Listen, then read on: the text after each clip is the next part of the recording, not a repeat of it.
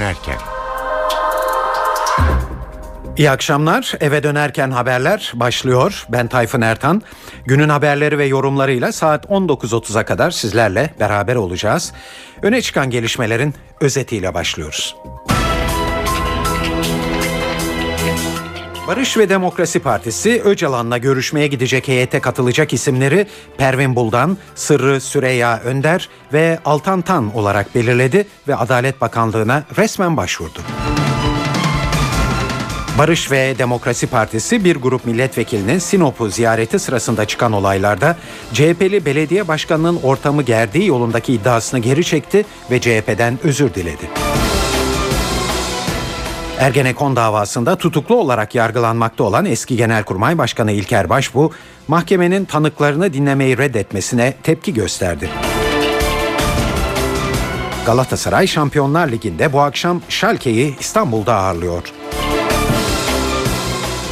Almanya'da Eylül ayında yapılacak genel seçimler yaklaşırken çifte vatandaşlık tartışmaları yeniden ivme kazandı. Ve İstanbul'da taksi ücretine zam geliyor. Taksimetre açılış fiyatı 2 lira 70 kuruştan 2 lira 95 kuruşa çıkıyor.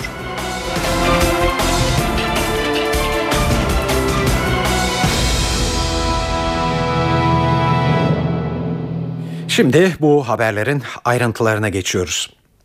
İmralı'ya gidecek ikinci BDP heyetindeki isimler Adalet Bakanlığı'na resmen bildirildi. BDP'nin listesindeki isimler Grup Başkan Vekili Pervin Buldan, İstanbul Milletvekili Sırrı Süreyya Önder ve Diyarbakır Milletvekili Altan Tan.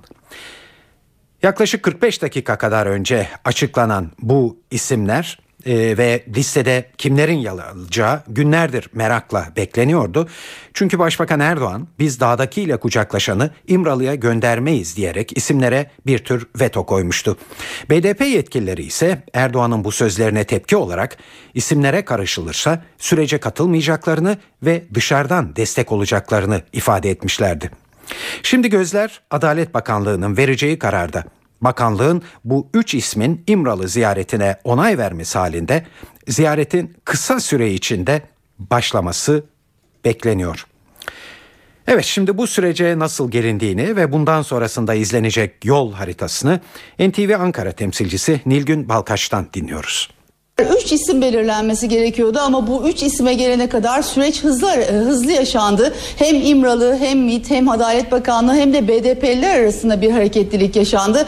Öncelikle şunu söylememiz lazım. İsimler konusunda sorun yaşanmıştı. Başbakan Recep Tayyip Erdoğan'ın çizdiği çerçeve çok dikkat çekiciydi. Bu noktada eş başkanların adaya gitmesinin önünde çeşitli engeller vardı. Aysel Tuğluk ve Gülten Kışanak'a PKK'larla kucaklaştığı için bu listenin dışında bırakıyorduk.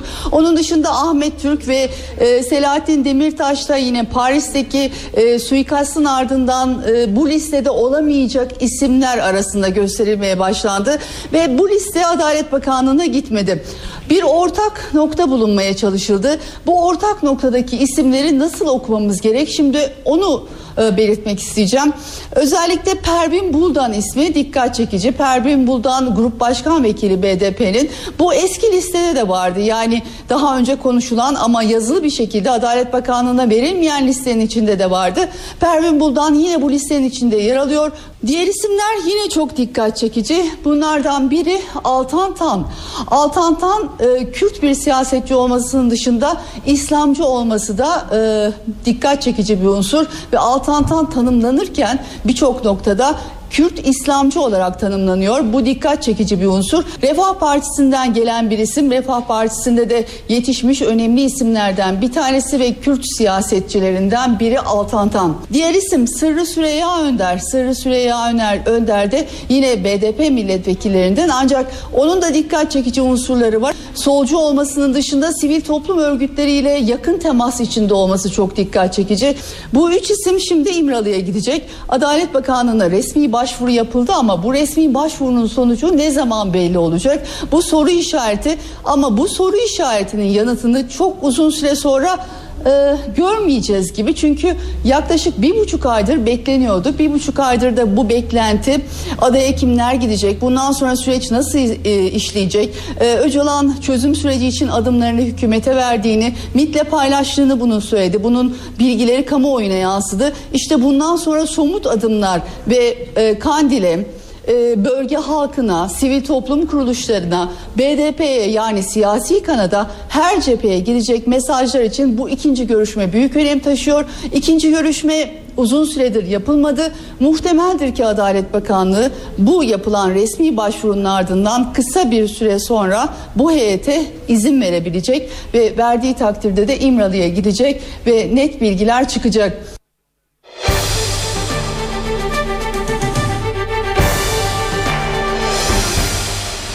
Barış ve Demokrasi Partisi bir grup milletvekilinin Karadeniz bölgesinde yaptığı gezinin Sinop ve Samsun ayaklarının olaylı geçmesi üzerine geziyi iptal etti. Gezi sona erdi ermesine ama siyasetteki yansımaları çok kuvvetli oldu. Başkentte gün içinde siyasi partiler arasında yoğun bir tartışma yaşandı. Tartışma büyük ölçüde BDP ile CHP arasında geçti. BDP Sinop'taki olayda CHP'li belediye başkanı Baki Ergül'ün ortamı gerdiğini iddia etmişti. Bugün bu iddiasından vazgeçti ve CHP'den özür diledi.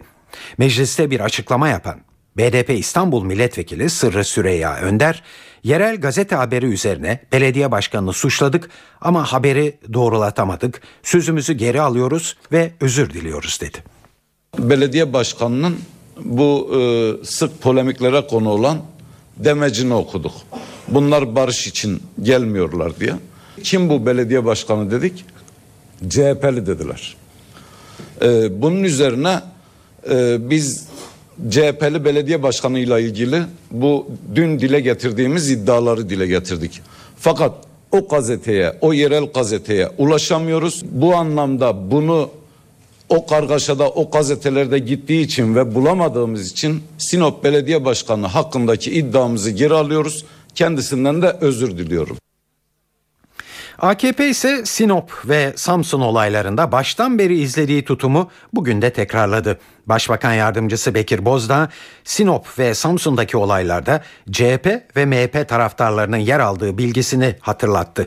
Bozdağ, heyetin karşısına taşla sopayla çıkmak yanlış. Fikir sahibi olmayanlar kendini taşla ifade ediyor diye konuştu.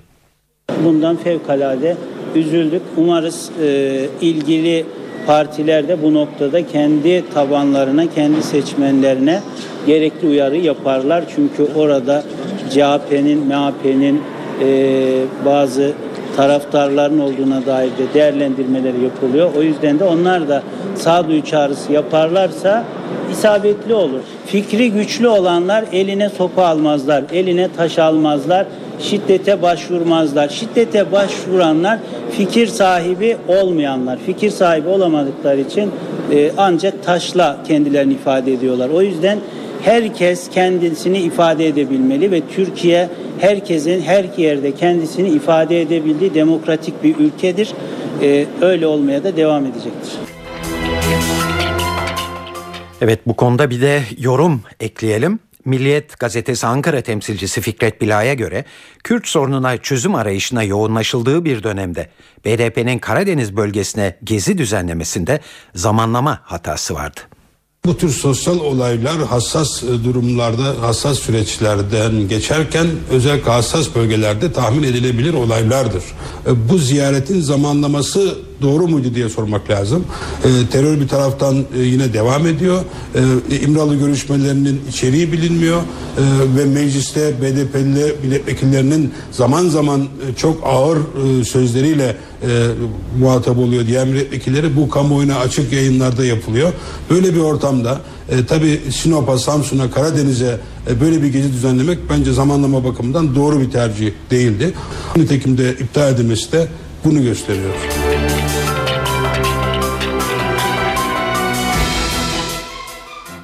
Saat 18.09 NTV Radyo'da eve dönerken haberler devam ediyor. Galatasaray bu sezonun en kritik sınavına bu akşam Türk Telekom Arena'da çıkıyor. Sarı Kırmızılılar Şampiyonlar Ligi ikinci turunun ilk maçında Alman Schalke'yi ağırlayacak. Saat 21.45'te başlayacak dev maç öncesinde son notları NTV Spor muhabiri Onur Turul'dan alıyoruz. Galatasaray için maçın önemi şu Şampiyonlar Ligi yani Avrupa'nın bir numaralı kupası kabul edilen Şampiyonlar Ligi'nin yeni statüsünde çeyrek finale çıkmaya Galatasaray ilk defa bu kadar yaklaştı. Şu anda Avrupa'nın en iyi 16 takım arasında Galatasaray ve bu akşam Schalke ile en iyi 8 takım arasına girmek için karşılaşacak. Bu akşamki maç ikinci turun ilk maçı. Rövanşı da 2 hafta sonra Almanya'da oynanacak ve Galatasaray buradan son 8 takım arasında çeyrek finale çıkmaya çalışacak. İki takımın 11'lerinden bahsedersek Schalke bir takım eksiklerle geldi buraya. Kasım ayından beri e, takımda bazı sakatlık problemleri vardı. Kimlerdi bunlar? İbrahim Afelay, Papadopoulos ve Marika sakatlıkları nedeniyle buraya getirilmedi İstanbul'a ve son olarak da sağ bek da Japon futbolcu bu akşam bu akşam sahada forma giyemeyecek. Ee, aynı şekilde Rafael de statü gereğince Şampiyonlar Ligi'nde daha önce başka bir takımla oynadığı için İstanbul kafilesinde yer almadı. Galatasaray'da Elmander'in hafif bir sakatlığı vardı ancak dün antrenmanda takımla birlikte çalışmıştı. Galatasaray'ın e, kalede Mustera ile oynamasını bekliyoruz. Savunma dörtlüsü Ebu Semih, Dani Riera olacak. Orta alanda Hamit Altıntop, Selçuk ve Felipe Melo'nun önünde de Snyder'i bekliyoruz. İleride Forvet'e en yakın isimlerde Avrupa'nın şu andaki Şampiyonlar Ligi'ndeki gol kralı Burak Yılmaz ve Galatasaray'ın yeni transferi Didier Drogba'nın oynamasını tahmin ediyoruz. Schalke cephesine geçelim. Onlarda muhtemel 11 şöyle. Kalede Timo Hildebrand, savunmada Höger, Hövedes, Matip, Fuchs. Onların hemen önünde iki önlü bero var. Jermaine Jones ve Neustader. Üçlü bir orta saha olacak. Onların önünde hücum hattının arkasında. Sağ tarafta yıldız futbolcu Jefferson Farfan, Julian Drexler ve sol tarafta yeni transferleri Michel Bastos oynayacak. Forvet hattında gole en yakın isimde Klaas-Jan Huntelaar olacak. Tabi Galatasaray'da maç öncesinde son sözler teknik direktör Fatih Terim ve Hamit Altıntop'tan geldi. Hamit'in ne söylediğini biraz sonraya bırakırım. Terim'i dinleyelim. Maçın kolay geçmeyeceğini söyledi. Başarı tamamıyla bir şans işiymiş. İnanmazsanız başarısızlara sorun. Kurayı çektiğimizden bugüne kadar tabii iki taraf içinde e, gerek Alman basınında gerek bizim yerel basınımızda iki rakibi tartan, iki rakibi ifade eden birçok e, röportaj okuyoruz veyahut analiz okuyoruz ama bugün özellikle Galatasaray seyircilerine buradan sesleniyorum şöyle. Schalke gruplarında hiç yenilmemiş bir takım. Yani Schalke'yi öyle bir hale getirdik ki yani Galatasaray çıkacak yarın hayatında hiç oynamadığı kadar kolay bir maç oynayacak. Bu bize yapılan bir iyilik değil. Bu bize yapılan bir kötülüktür. Doğrusu bu değildir çünkü. Belki de son yıllarda oynadığımız en zor maçı oynayacağız. 7 eksik 8 eksik bir türlü biz bu 7 8 eksiği bulamıyoruz. Hayatımız teknik analizlerle geçiyor. Ben dahil arkadaşlarım ayrı ayrı seyrediyoruz şarkıyı. Bu 8 eksiği 7 eksiği hiç bulamadık. Oynasa oynamasa oynamasa 3 kişi oynamayacak. Biri de büyük ihtimalle oynayacak zaten. O zaman biz de şöyle yapmamız lazım. Maroş'u kaybettik. Ufaleci oynamıyor sezon başından beri. Çok önemli bir kayıp bizim için. E, Elmander'in sakatlığını da unutmamak lazım. Ebu fil dışından çok kötü döndü. Ayağı sakat. Şimdi bunlar ülke takımlarına yapılan iyilikler değildir. Şu bir gerçek ki benim tecrübem diyor ki biz burayı geçersek kimse yarı finalden tatmin olmaz. Evet Hamit ise Schalke eşleşmesinin iki ayaktan oluştuğuna vurgu yaptı ve taraftara büyük görev düştüğüne dikkat çekti. Şampiyonlar Ligi havası biraz farklı tabii ki. Ligde şu an performansları iyi olmasa da bu yanıltabilir. En iyi örnek geçen yıl Chelsea takımıydı. Ligde çok iyi oynamasalar da Şampiyonlar Ligi'nde e, final maçlarında istedikleri sonuçlara ulaştılar. Sonunda kupayı da aldılar. En tecrübeli aramızda hocamızdır. Ve e, hocamızın en büyük fark yaratan diğer hocalara göre yani çok şeyi görmesi, tatması ve yaşaması olumlu olumsuz ve isimler çok önemli değil. Kaliteyi sahaya en iyi şekilde yansıtmak. Bunu da son maçlarda çok iyi yaptığımızı düşünüyorum.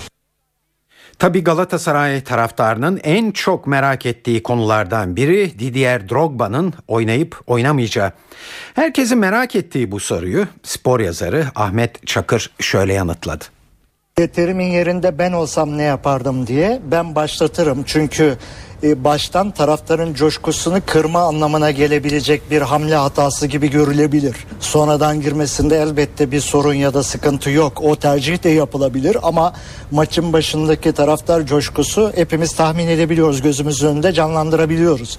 Cehennemi bir ortamın doğmasında Drogba'nın sahadaki varlığı da etken olacaktır. O her zaman tartışılan bir konudur. Yani bu oyuncu %100 hazır olmayan bir oyuncu baştan girip işte 45 dakikada daha mı verimli olur yoksa sonradan girmesi mi daha uygundur? Kulübede böyle bir silahınızın olması çok önemli ama Galatasaray'ın başka silahları da olabilir. Yani Drogba'yı değiştirmek için e, muhtemelen Umut kulübede kalabilir. Başka silahı olabilir. E, çok büyük bir sorun değil ama dediğim gibi benim de terimi tanıdığım kadarıyla bu psikolojik etkeni dikkate alacak ve maçta başlatacaktır Drogba'yı. Ergenekon davasında tutuklu olarak yargılanmakta olan eski Genelkurmay Başkanı İlker Başbuğ, mahkemenin tanıklarını dinlemeyi reddetmesine tepki gösterdi. Mahkeme yine eski bir Genelkurmay Başkanı Işık Koşaner'in ve 3 kuvvet komutanının tanıklık yapmak istemelerini geri çevirmişti. İşte Başbuğ bu durumu yazdığı bir mektupla sert bir şekilde eleştirdi. Başbuğ mektubunda Şemdin Sakık'ın tanık olarak dinlenmiş olmasına atıfta bulunarak teröristler muteber tanık ülkenin genelkurmay başkanı değil diyor. Başbuğ ayrıca Başbakan Erdoğan'ın davayla ilgili açıklamalarının da bir isyan niteliğinde olduğunu ifade ediyor. İlker Başbuğ mektubunda suçun mağduru olarak gösterilen başbakan ve hükümet üyelerinin de tanık olarak dinlenmesi gerektiğine dikkat çekti. Milliyet gazetesi Ankara temsilcisi Fikret Bila tanıkların mahkeme tarafından reddedilmelerini şöyle değerlendirdi. Kanun diyor ki avukat e, tanık talep edebilir. Mahkeme de bu talebi reddedebilir. Ancak e, kendinden mahkemeye gelip olayla ilgili tanık olmak isteyenleri de dinler diyor. E, bu aşamaların geçildiğini biliyoruz. Daha önce avukatın talepleri mahkeme tarafından reddedilmişti. Bunun üzerine e, Genelkurmay eski başkanı Işık Koşuner ve diğer kuvvet komutanları bizzat mahkemeye gelerek hakimin huzurunda tanık olmak istediklerini belirttiler. İşte bu durumda mahkemenin bu dinlemeyi yapması gerekirdi. Kanuni olarak, hukuki olarak e, böyle bir tespit yapıldığını yansıtmak lazım. Tabi yine algı bakımından e, kamu vicdanına da yer bulmak açısından baktığımızda ise bu mahkeme sırasında Şemdin Sakık gibi PKK terör örgütünün iki numaralı e, adamı olarak bilinen e, kişi e, tanık olarak dinlendi. E, buna karşılık Türk Silahlı Kuvvetleri'nin Genelkurmay Başkanlığı'nı kuvvet komutanlığını yapmış çok üst rütbeli ordu yönetmiş komutanların tanık olarak dinlenmemesi kamu vicdanında yer bulacak bir konu değil. Ayrıca bu konuda eleştirilerin her kesimden geldiğini biliyoruz. Buna Başbakan Sayın Tayyip Erdoğan da dahil. Dolayısıyla sanki terör örgütü yöneticisi e, Genelkurmay Başkanı'ndan mahkeme nezdinde daha çok itibar görüyormuş e, havası doğmuş oldu. Keza birçok gizli tanık uygulaması yapıldı. Bunlar içerisinde toplumda itibarı olmayan, e, suç e, sicili çok kabarık olan e, ve kendini ortaya koymayan birçok insanın dinlenerek e, bir yargı oluşturulması, buna karşılık komutanların dinlenmemesi de bir eksiklik olarak e, bence tespit edildi. E, sanıyorum bu yönü itibariyle de bu tartışma devam edecektir. Hükümet sağlık sektörünü yakından ilgilendiren tam gün yasasında e, bir nevi geri adım atmaya hazırlanıyor. Yeni Sağlık Bakanı Mehmet Müezzinoğlu tam gün yasası nedeniyle üniversitelerden istifa eden hekimleri geri döndürmeyi amaçladıklarını söyledi. Müezzinoğlu tam gün yasasını doktorlarla yeniden ele alacaklarını ve bir ay içinde yeni bir adım atacaklarını da duyurdu. Müezzinoğlu'nun bu açıklamaları acaba sağlık dünyasında nasıl karşılandı? İstanbul Tabip Odası Başkanı Taner Gören'e sorduk. E şimdi e, basına yansıyan şey yani tam günde geri adım yani evet. sanki işte tam gün çalışma kalkacak evet. tekrar hastane muayene falan. Şimdi bir hekim olarak ve bir e, Türkiye'nin geleceğini düşünen e, ve geleceğine yönelik insan yetiştiren bir konumda bulunan bir kişi olarak Benim hiç böyle bir kaygım yok yani tekrar muayeneni açabilme, açamama falan. Bu ucube çalışma sisteminde ben çalışmaktan gerçekten son derece mutsuzum. Ve birçok e, öğretim üyesi arkadaşım mutsuz. Bizim tek istediğimiz şey var. Biz aslında sürekli tam günü, gerçek tam günü savunduk.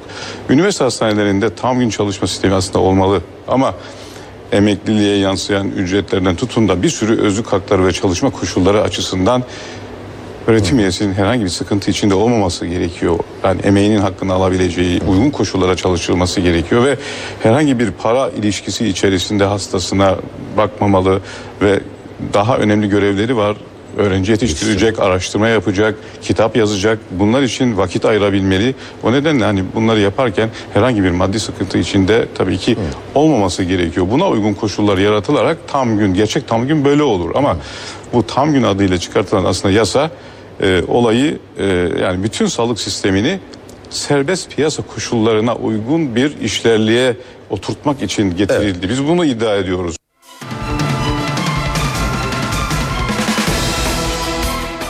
İstanbul'da taksi ücretine zam geliyor. İstanbul Taksiciler Odası Başkanı Yahya Uğur, yeni tarife için Ulaşım Koordinasyon Merkezi'nde karar alındığını söyledi. Yeni tarifeye göre taksimetre açılış fiyatı 2 lira 70 kuruştan 2 lira 95 kuruşa çıkacak. Kilometre başına fiyat da 1 lira 73 kuruş yerine 1 lira 83 kuruş olacak. Daha önce ücretsiz olan ilk 5 dakikalık bekleme süresi de paralı hale getirilecek.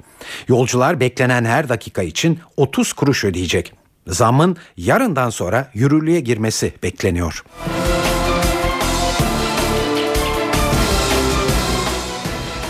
Amerikalı kadın Saray Sierra cinayetinde polis bir numaralı zanlının peşinde. Cinayetin aydınlatılması için kurulan özel ekip önemli ipuçlarına ulaştı. Polisin peşine düştüğü bir numaralı cinayet zanlısı Laz Ziya lakaplı kişi. Saray Sierra'nın tırnakları arasından alınan doku örnekleriyle şüphelinin kardeşinden alınan kan örneği DNA'sı uyumlu çıktı. Polis Sierra'nın ölümünden sonra kayıplara karışan zanlının Karabük'teki evinde de cinayetin izini sürdü ve yastıklardan saç örnekleri topladı. Zanlının yakalanması için yoğun aramalar sürdürülüyor. Sierra'nın ölü olarak bulunduğu yerle ilgili yeni bilgiler de var. 2007 ve 2010 yıllarında iki kadın turistin de aynı yerde cinsel saldırıya uğradığı ortaya çıktı ve bunun anlaşılması üzerine İstanbul polisi o olayların dosyasını da yeniden açtı.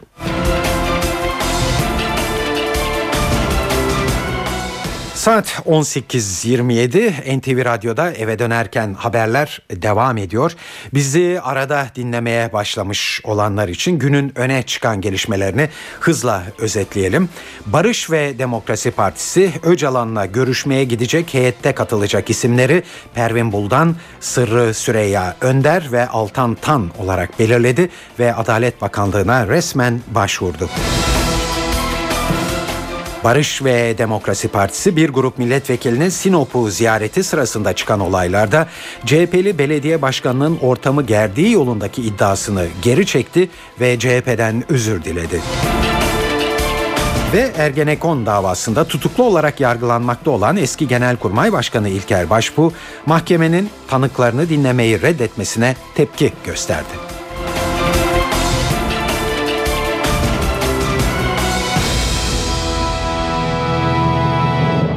Şimdi günün diğer gelişmeleriyle devam ediyoruz.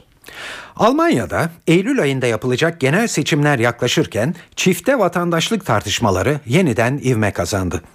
Alman Der Spiegel dergisine konuşan Federal Adalet Bakanı, çifte vatandaşlığı düzenleyen yasanın yeniden düzenlenmesi gerektiğini söyledi. Bakan, eğer mevcut sistem insanların Almanya'dan soğumasına neden oluyorsa, o zaman yasayı tekrar gözden geçirmeliyiz vatandaşlık yasalarını yenileme konusunda açık olmalı ve çifte vatandaşlığı yasal olarak daha geniş bir kitleye sunmalıyız diye konuştu. 2000 yılından beri yürürlükte olan modele göre Almanya'da 1 Ocak 2000 tarihinden sonra doğan göçmen kökenli çocuklar 18 yaşına gelinceye kadar çifte vatandaş sayılıyor. Bu gençlerin 23 yaşına kadar Alman vatandaşlığı ile ailesinin geldiği ülkenin vatandaşlığı arasında zorunlu olarak bir tercih yapması gerekiyor. Göçmenleri ilgilendiren uygulamadan en çok etkilenen grup Türkler.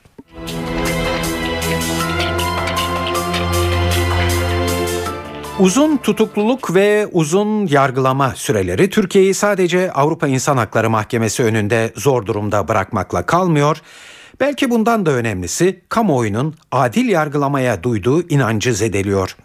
Son zamanlarda bu sorunun giderilmesi için birbiri ardına yargı reformu paketleri geldi. Dördüncüsü de yakında mecliste olacak. Ancak bunların yanı sıra Anayasa Mahkemesi de kendisine yapılmış bireysel başvurulardan yola çıkarak uzun tutukluluk ve uzun yargılamalarla ilgili içtihat oluşturmak üzere değerlendirmelerde bulunacak. Böylece hak ihlallerinin önüne geçilmesinde Anayasa Mahkemesi de devreye girmiş oluyor bireysel başvuru döneminin açılmasıyla. Sürecin nasıl işleyeceğini Anayasa Mahkemesi raportörü Hüseyin Ekinci NTV'ye şöyle anlattı. Tabii ki öncelikle mahkemenin iştihadının ortaya çıkması gerekiyordu bu konuya ilişkin yaklaşımı. Ve bu çerçevede de 9 dosya seçildi. E, her biri Anayasa Mahkemesi'nin benzer nitelikteki dosyalarında karara bağlaması için bir pilot ya da bir iştihat ortaya koymasını sağlayabilecek karar dosyalar seçildi.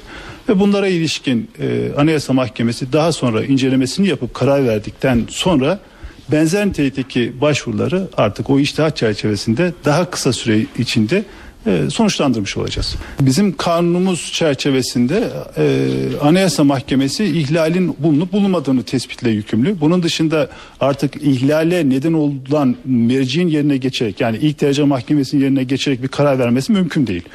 Ama e, bizim vermiş olduğumuz karar e, bütün e, idare, yargı ve yasama bütün organları bağlayıcı nitelikte bir karar. Hiçbir kurumun, hiçbir devlet kurumunun Anayasa Mahkemesi'nin bu yöndeki vermiş olduğu kararı tanımıyorum şeklinde bir e, tepki göstermesi mümkün değil. Bunun gereğini yani bu ihlali ortadan kaldıracak nitelikteki kararı vermesi gerekiyor. İstanbul'da Çamlıca Tepesi'ne yapılacak olan caminin projesi değişiyor. Yeni proje hakkında Hürriyet gazetesine bilgi veren Çevre ve Şehircilik Bakanı Erdoğan Bayraktar, eski projede sivri olan cami kubbelerinin daha basık ve oval hale getirildiğini ve cam kapılarını genişlettiklerini söyledi. Bayraktar, Çamlıca'daki caminin yapılmasının gayesi AK Parti'nin iktidarı döneminde bir simge eser bırakmaktır.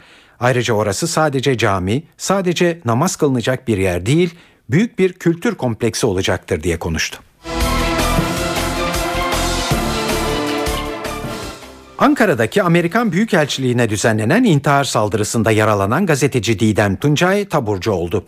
Tuncay 19 gündür tedavi görüyordu ve 3 ameliyat geçirdi. Tuncay'ın sağ gözünün geçirdiği operasyonlarla ışığa ve el hareketlerine duyarlılık gösterdiği açıklandı. İstanbul Menkul Kıymetler Borsası yeniden yapılandırılıyor. Borsa İstanbul ismiyle faaliyet gösterecek olan yeni kurumda altın borsası ve vadeli opsiyon borsası da bulunacak. Çalışmaların Nisan ayına kadar tamamlanması bekleniyor. Borsa İstanbul'u Sermaye Piyasası Kurulu Başkanı Vahdettin Ertaş tanıttı. Artık İMKB değil, bundan sonra Borsa İstanbul Anonim Şirketi, kısaca. BİAŞ ismini kullanacağız. Bir iki ay içerisinde borsa bir süpermarket olarak çalışacak. İçinde hisse senetleri, tahviller,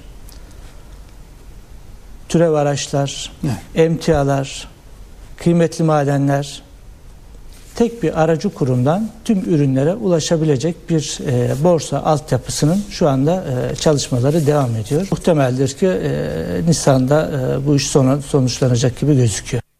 Ertaş, Türkiye'deki halka açık şirket sayısının 10 yılda 407'ye yükseldiğini ancak hisse senedi yatırımcısı sayısında düşüş olduğunu, yeniden yapılanmayla bu tablonun değiştirilmesinin amaçlandığını söyledi. Yeniden yapılanmanın bu tabloyu değiştirmeye amaçladığını vurguladı. Türkiye'de 10 yılda pek çok sektör 10 kat büyüdü. Evet.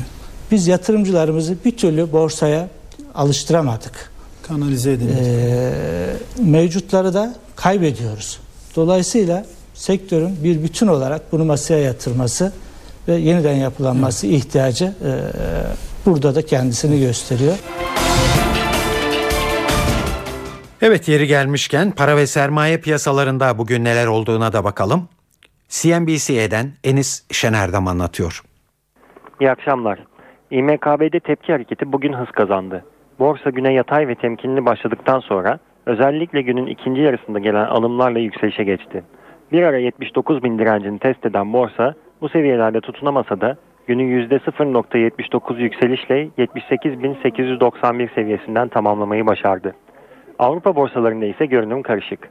Bir yandan İtalya'da seçimlerin yaklaşıyor olması ve ülkenin ünlü siyasi lideri Berlusconi'ye olan desteğin artması, diğer yandan ise İspanya'daki yolsuzluk iddiaları borsalardaki yükselişleri sınırlıyor. İşlerin görece yolunda gittiği Almanya'da ise borsa diğer AB ülkelerinden ayrışarak yükselişini devam ettiriyor.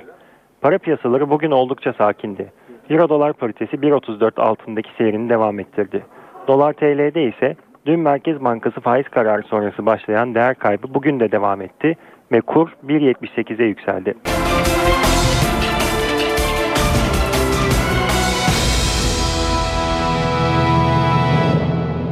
Şimdi dünyada en çok hangi haberler konuşuldu ona bakacağız. Sırada Yunanistan var. Evet Yunanistan'da kemer sıkma önlemlerine karşın yılın ilk genel grevi bugün yapılıyor. 24 saatlik grev nedeniyle toplu taşıma araçları çalışmayacak, okullar, devlet daireleri kapalı kalacak. Katılımın büyük olduğu görülüyor. Ayrıntıları NTV Atina muhabiri Stelio Berberakis'ten öğreniyoruz. Tabiri caizse bir felaket. Yani her sene her defasında olduğu gibi bugün hiçbir şey çalışmıyor Atina e, caddelerinde, sokaklarında. E, genel grev var. İşçi ve memur sendikalarının e, Yunan hükümetinin uygulamak zorunda olduğu e, kemer sıkma politikasına yine karşı çıkan bir e, büyük bir e, gösteri düzenleniyor işçi ve memur sendikaları tarafından. E, tabii şiddet olayları çıkacak mı çıkmayacak mı onu önümüzdeki e, dakikalarda veya saatlerde göreceğiz. Çünkü her defasında bu sendikaların e, e, grev eylemleri sırası daha doğrusu eylemlerine sızan ve kendilerini iktidar karşıtları olarak, tanıtan gençler, yüzü maskeli gençler ile e, polis e, e, kuvvetleri arasında çatışmalar e, e, çıkıyor.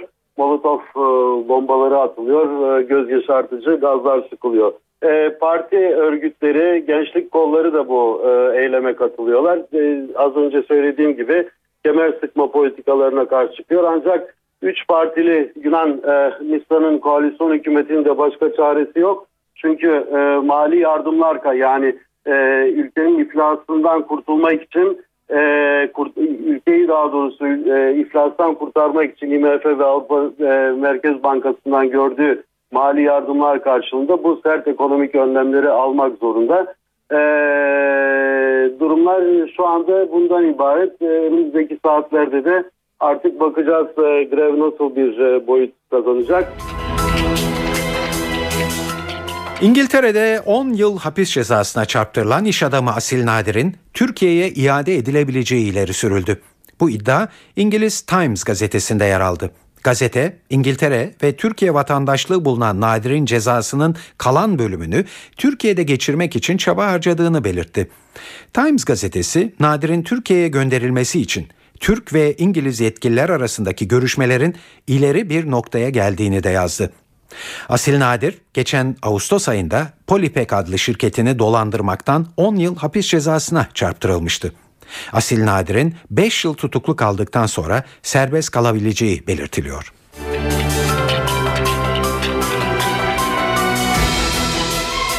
Avrupa Komisyonu'nun enerjiden sorumlu yetkilisi Günter Oettinger, Avrupalı liderlerin 10 yıla kadar Türkiye'nin Avrupa Birliği'ne önemini anlayacaklarını ileri sürdü.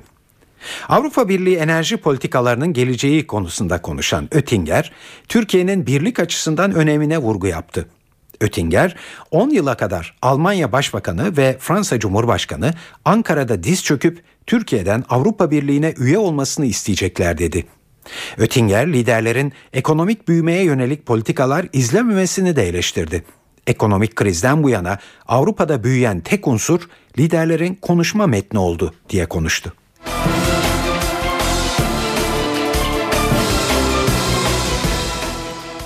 Güney Afrikalı atlet Oscar Pistorius'un akıbeti bugün belli olacak.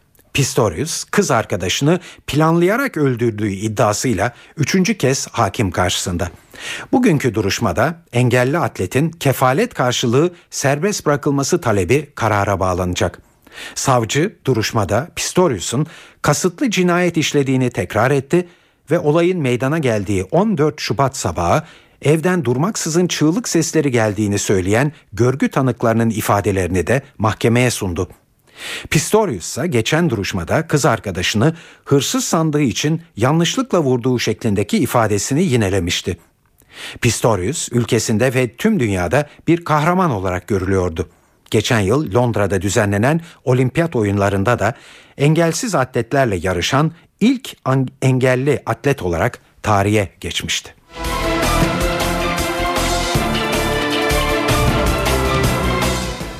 Bulgaristan'da elektrik faturalarına yapılan zamlar hükümetin sonunu getirdi.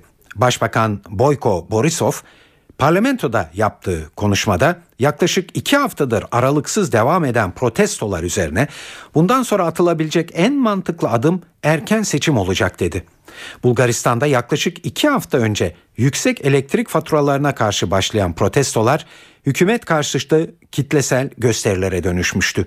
Sosyal medyada örgütlenen on binlerce kişi her gün sokaklara dökülerek hükümeti istifaya çağırmaya başlamıştı.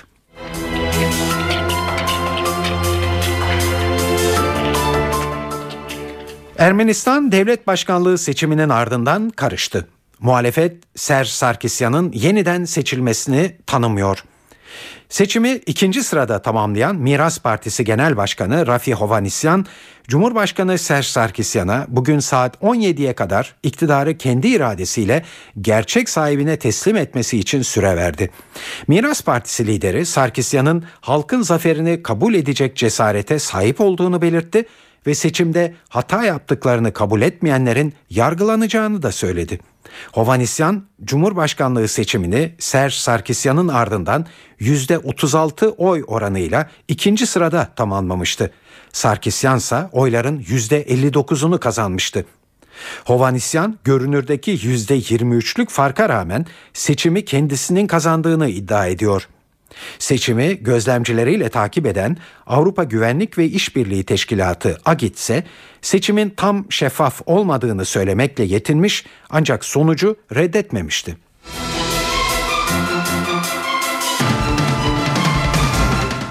Amerika Birleşik Devletleri'nin yeni Dışişleri Bakanı John Kerry yurt dışı mesaisine başlıyor. Kerry bu hafta sonu bir dizi Avrupa ve Orta Doğu ülkesine resmi ziyarete çıkıyor. Bu ülkeler arasında Türkiye de var.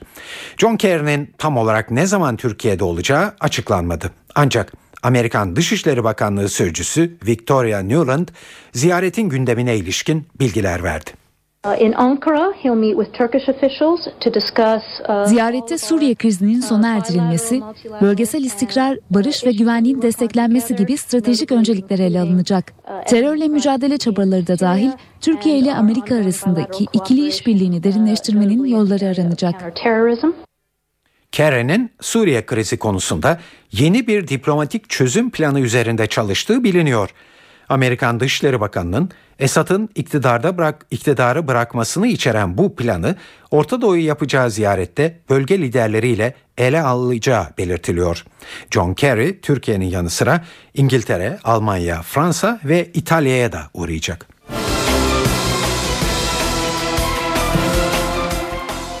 Brüksel Zaventem Havaalanı tarihinin en büyük soygunlarından birini yaşadı.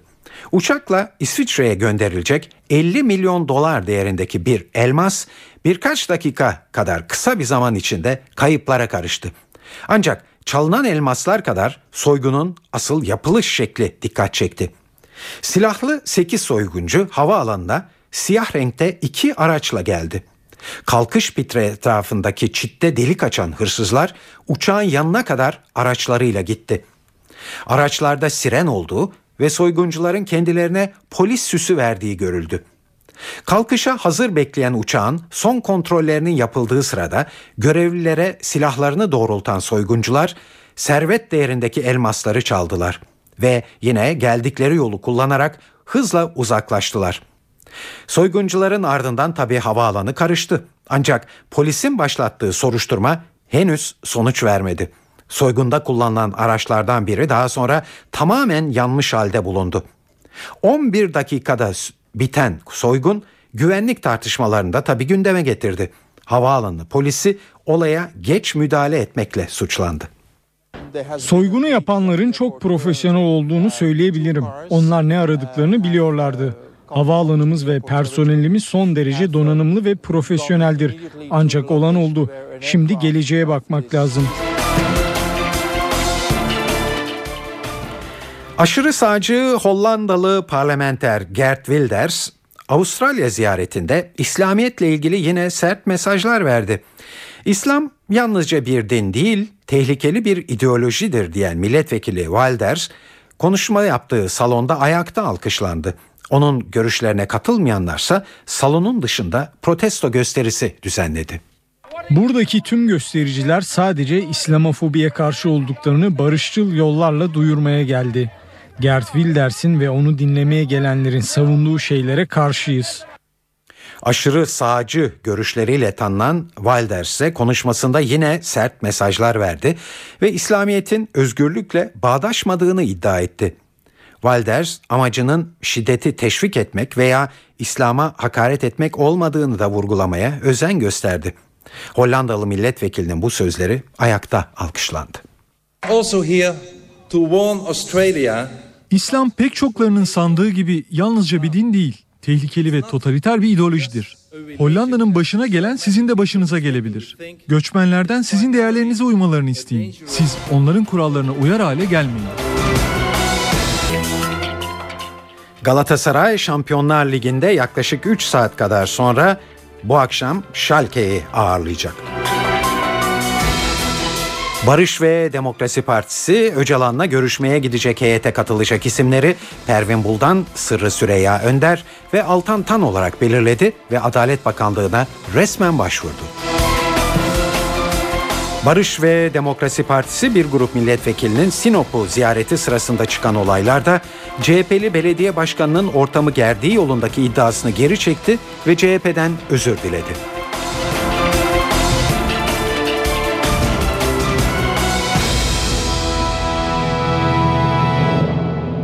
Galatasaray bu sezonun en kritik sınavına bu gece Türk Telekom Arena'da çıkıyor. Sarı Kırmızılılar Şampiyonlar Ligi ikinci turu ilk maçında Almanya'dan Schalke'yi ağırlayacak. Saat 21.45'te başlayacak bu dev maç öncesinde son notları NTV Spor muhabiri Onur Turul'dan alıyoruz.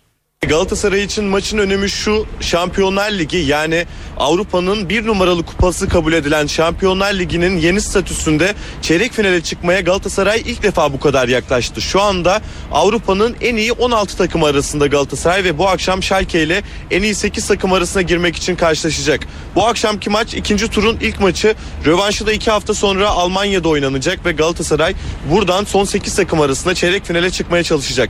İki takımın 11'lerinden bahsedersek Schalke bir takım eksiklerle geldi buraya. Kasım ayından beri e, takımda bazı sakatlık problemleri vardı. Kimlerdi bunlar? İbrahim Afelay, Papadopoulos ve Marika sakatlıkları nedeniyle buraya getirilmedi İstanbul'a ve son olarak da sağ bek Uchita'da Japon futbolcu bu akşam bu akşam sahada forma giyemeyecek. Ee, aynı şekilde Rafael de statü gereğince Şampiyonlar Ligi'nde daha önce başka bir takımla oynadığı için İstanbul kafilesinde yer almadı. Galatasaray'da Elmander'in hafif bir sakatlığı vardı ancak dün antrenmanda takımla birlikte çalışmıştı.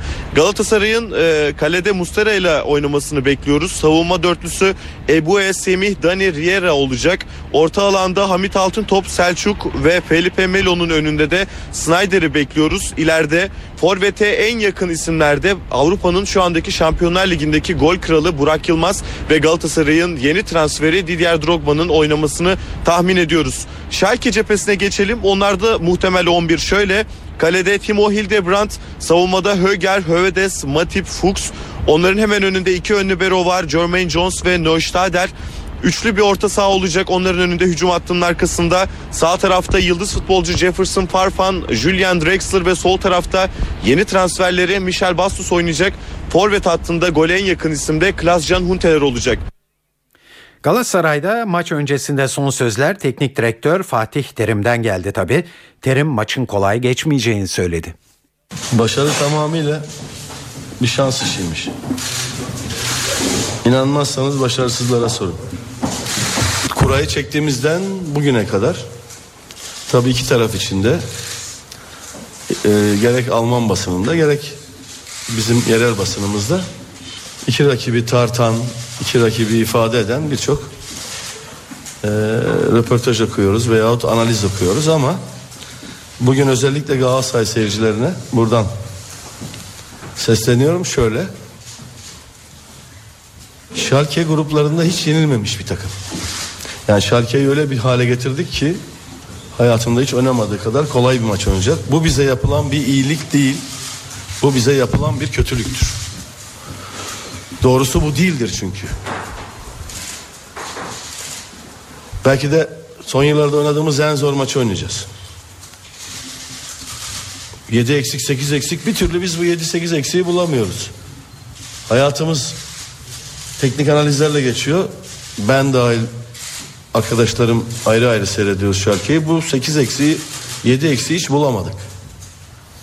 Oynasa oynamasa oynamasa 3 kişi oynamayacak. Biri de büyük ihtimalle oynayacak zaten. O zaman biz de şöyle yapmamız lazım. Varoş'u kaybettik. Ufaloji oynamıyor sezon başından beri. Çok önemli bir kayıp bizim için. E, Elmander'in sakatlığını da unutmamak lazım. Ebu fil dişinden çok kötü döndü. Ayağı sakat. Şimdi bunlar ülke takımlarına yapılan iyilikler değildir. Şu bir gerçek ki benim tecrübem diyor ki biz burayı geçersek kimse yarı finalden tatmin olmaz. Evet Galatasaray taraftarının en çok merak ettiği konulardan biri Didier Drogba'nın oynayıp oynamayacağı. Herkesin merak ettiği bu soruyu spor yazarı Ahmet Çakır şöyle yanıtladı. Terimin yerinde ben olsam ne yapardım diye ben başlatırım. Çünkü e, baştan taraftarın coşkusunu kırma anlamına gelebilecek bir hamle hatası gibi görülebilir. Sonradan girmesinde elbette bir sorun ya da sıkıntı yok. O tercih de yapılabilir ama maçın başındaki taraftar coşkusu hepimiz tahmin edebiliyoruz. Gözümüzün önünde canlandırabiliyoruz. Cehennemi bir ortamın doğmasında Drogba'nın sahadaki varlığı da etken olacaktır. O her zaman tartışılan bir konudur. Yani bu oyuncu %100 hazır olmayan bir oyuncu baştan girip işte 45 dakikada daha mı verimli olur yoksa sonradan girmesi mi daha uygundur? Kulübede böyle bir silahınızın olması çok önemli ama Galatasaray'ın başka silahları da olabilir. Yani Drogba'yı değiştirmek için e, muhtemelen Umut kulübede kalabilir. Başka silahı olabilir. E, çok büyük bir sorun değil ama dediğim gibi benim de terimi tanıdığım kadarıyla bu psikolojik etkeni dikkate alacak ve maçta başlatacaktır Drogba'yı. Saat 19.06 tabi hatırlatalım karşılaşma 21.45'te başlayacak. Maçı NTV Radyo'dan canlı olarak dinleyebilirsiniz eğer evde olmayacaksanız.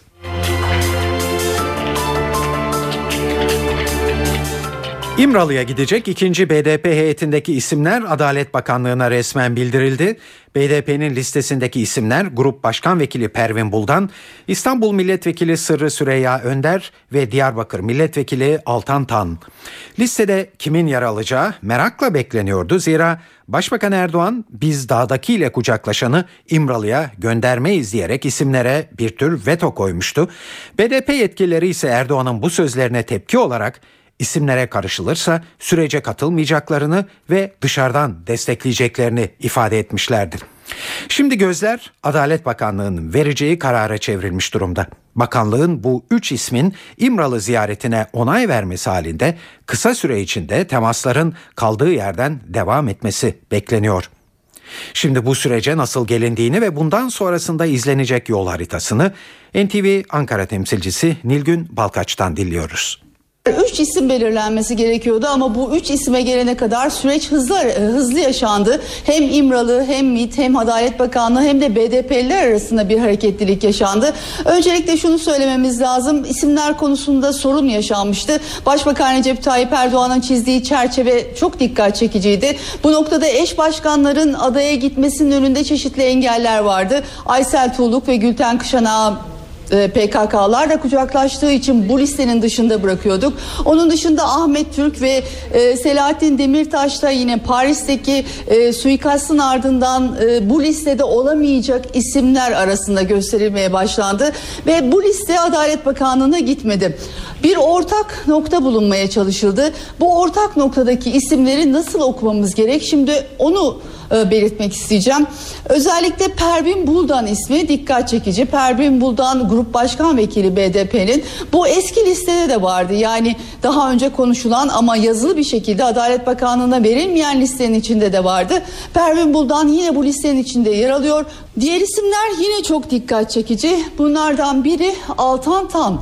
Altan Tan e, Kürt bir siyasetçi olmasının dışında İslamcı olması da e, dikkat çekici bir unsur ve Altan Tan tanımlanırken birçok noktada Kürt İslamcı olarak tanımlanıyor. Bu dikkat çekici bir unsur. Refah Partisi'nden gelen bir isim. Refah Partisi'nde de yetişmiş önemli isimlerden bir tanesi ve Kürt siyasetçilerinden biri Altantan. Diğer isim Sırrı Süreyya Önder. Sırrı Süreyya Öner, Önder de yine BDP milletvekillerinden ancak onun da dikkat çekici unsurları var. Solcu olmasının dışında sivil toplum örgütleriyle yakın temas içinde olması çok dikkat çekici.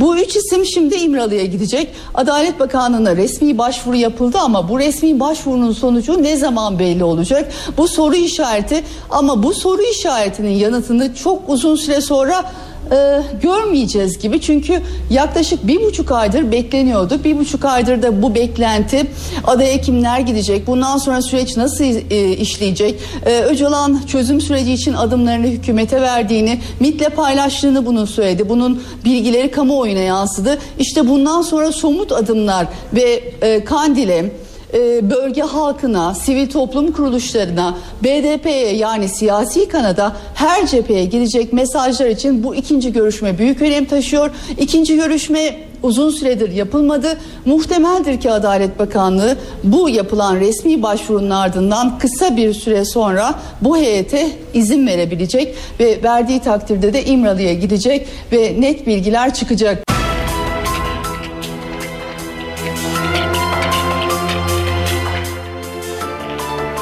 Evet şu anda e, Ankara'ya uzanacağız. Başbakan e, Tayyip Erdoğan e, Libya Başbakanı Zeydan'la ortak bir basın toplantısı düzenliyor ve kendisine şu anda Barış ve Demokrasi Partisi'nin Öcalan'la görüşmeye gidecek heyete katılacak isimleri nasıl e, değerlendirildiği e, soruldu.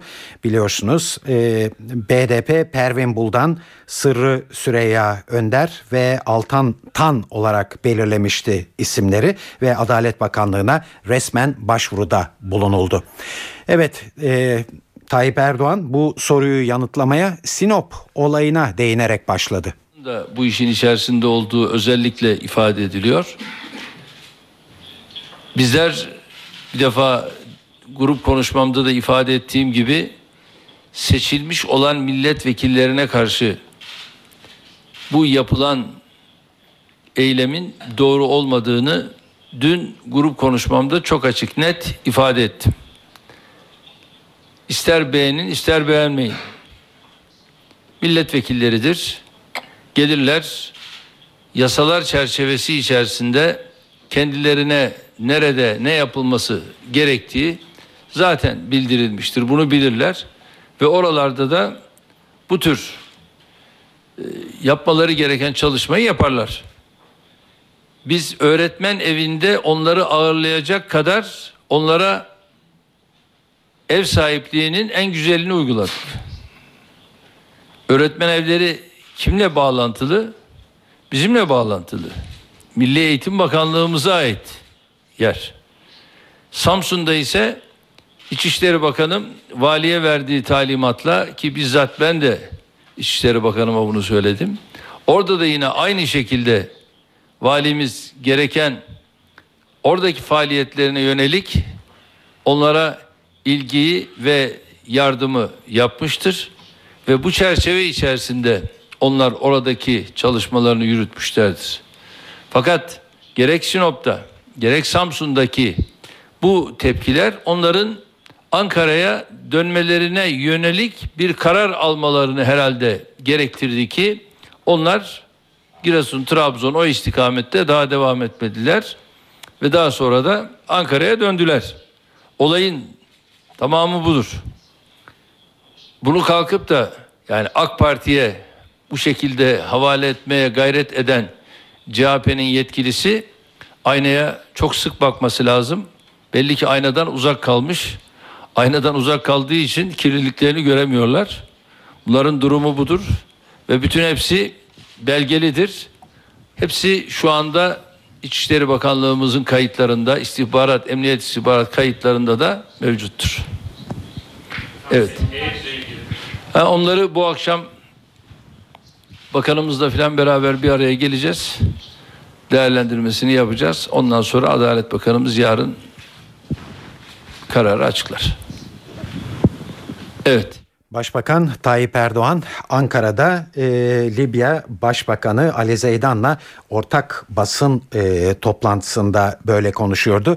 Hızla e, tekrarlarsak Barış ve Demokrasi e, Partisi'nin Öcalan'la görüşmeye gidecek heyete katılacak isimleri Pervin Buldan, Sırrı Süreyya Önder ve Altan Tan olarak belirlemesi konusuna değindi ve bu konuyu arkadaşlarımla bu akşam ele alacağız ve Adalet Bakanlığı yarın sonucu açıklayacak diye konuştu.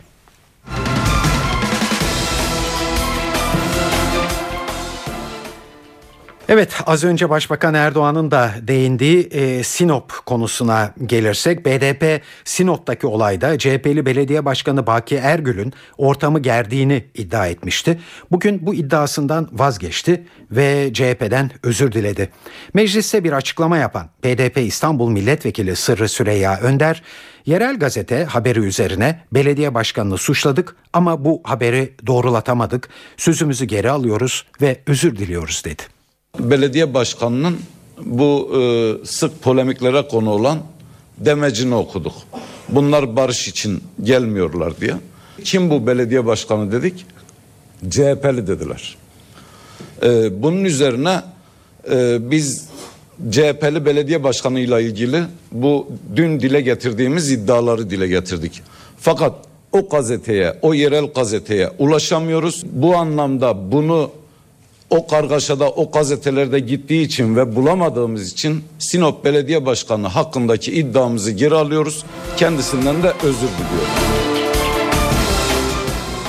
Eve dönerken haberler kültür ve sanat dünyasından derlediğimiz haberlerle devam ediyor.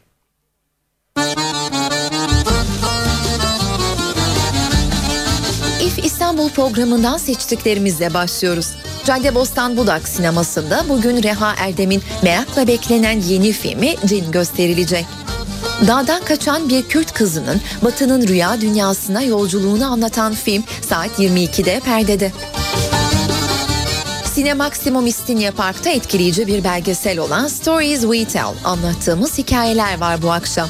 Gerçeklerin, aile hikayelerinin değişik bakış açılarından anlatılınca ne kadar farklılaştığını ortaya koyan belgesel Sarah Polley imzası taşıyor, saat 22'de başlıyor.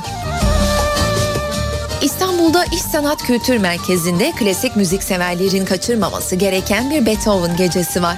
Moldova'nın yükselen yıldızı Patricia Kopaczynskaya sahne alacak. Kopaczynskaya 2010'da BBC Müzik Dergisi ödülüne layık görülen Beethoven Keman Konçertosu yorumuyla müzikseverlerin karşısına çıkacak. Şanzelize Orkestrası'nın eşlik edeceği Patricia Kopaczynskaya, müzikal sınırları aşan bir yorum gücü ve derin ifade yeteneğiyle yeni neslin kendine hayran bıraktıran kemancılarından. Konser saat 20'de. İstanbul'da Koca Mustafa Paşa'daki Çevre Tiyatrosu'nda Büyük Ev Abluka'da konseri var bugün. Alternatif müzik camiasının en gizemli ve başarılı gruplarından biri olarak kabul edilen Büyük Ev Abluka'da sağlam müzikleri ve eğlenceli performanslarıyla saat 20.30'dan itibaren sahnede. Ataköy'deki Yunus Emre Kültür Merkezi'nde İlhan Şeşen hayranlarıyla buluşacak.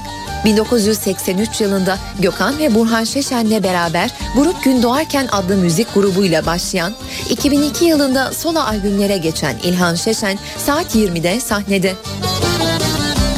Kürtçe şarkılarıyla tanınan Rojin, Ezgi'nin günlüğünden Hüsnü Arkan'la bugün Getto'da bir araya geliyor.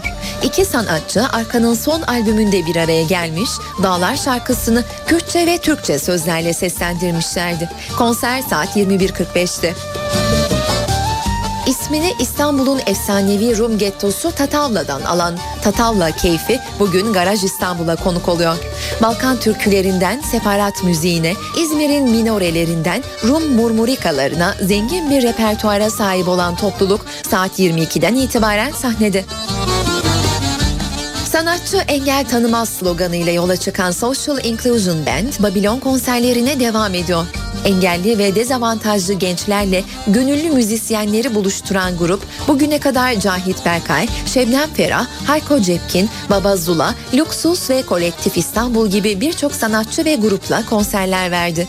Social Inclusion Band bugün saat 19'da başlayacak konserine. İstanbul'da tiyatro için seçenek Beyza Hüseyinoğlu'nun yazıp Gökmen Topgöz'ün yönettiği Mitoz adlı oyun. Bu akşam Beyoğlu'ndaki Maya Cüneyt Türel sahnesindeki oyunda gerçekle hayal, rüyayla kabus, akılla delilik, korkuyla arzu, kaçmakla gitmek arasındaki fark aranıyor. Oyunun başlama saati 20.30. Lole Bella'nın yazdığı Perşembenin Hanımları adlı oyunsa bugün Fatih Reşat Nuri sahnesinde seyirciyle buluşuyor. Tek perdelik oyunun konusu geçmişlerinin gölgesinden kurtulamamış ve birlikte büyümüş üç kadının her perşembe toplandıkları çay saatinde konuştukları pişmanlıkları, geçmiş aşkları, yitirdikleri ve özlemleri. Ayşe Kökçü, Cem Uras, Enes Mazak, Oya Palay ve Vildan Gülerman'ın rol aldığı oyun saat 20'de başlayacak. Ankara'daki kültür sanat etkinliklerinden önerilerle devam edelim. Ankara Caz Festivali'nde piyanist, besteci, aranjör ve söz yazarı Karsu Dönmez'in konseri var. Dönmez çeşitli müzik türlerini ve geleneksel Türk müziğini cazla harmanladığı tarzıyla büyük bir beğeni kitlesine sahip. Cer Modern Konferans Salonu'ndaki konser saat 20'de. Eve dönerken haberler bu akşam da burada sona eriyor. Bu yayının editörlüğünü Onur Koçaslan yaptı. Stüdyo teknisyenliğini ise İsmet Tokdemir. Ben Tayfun Ertan. Hepinize iyi akşamlar diliyoruz. Hoşçakalın.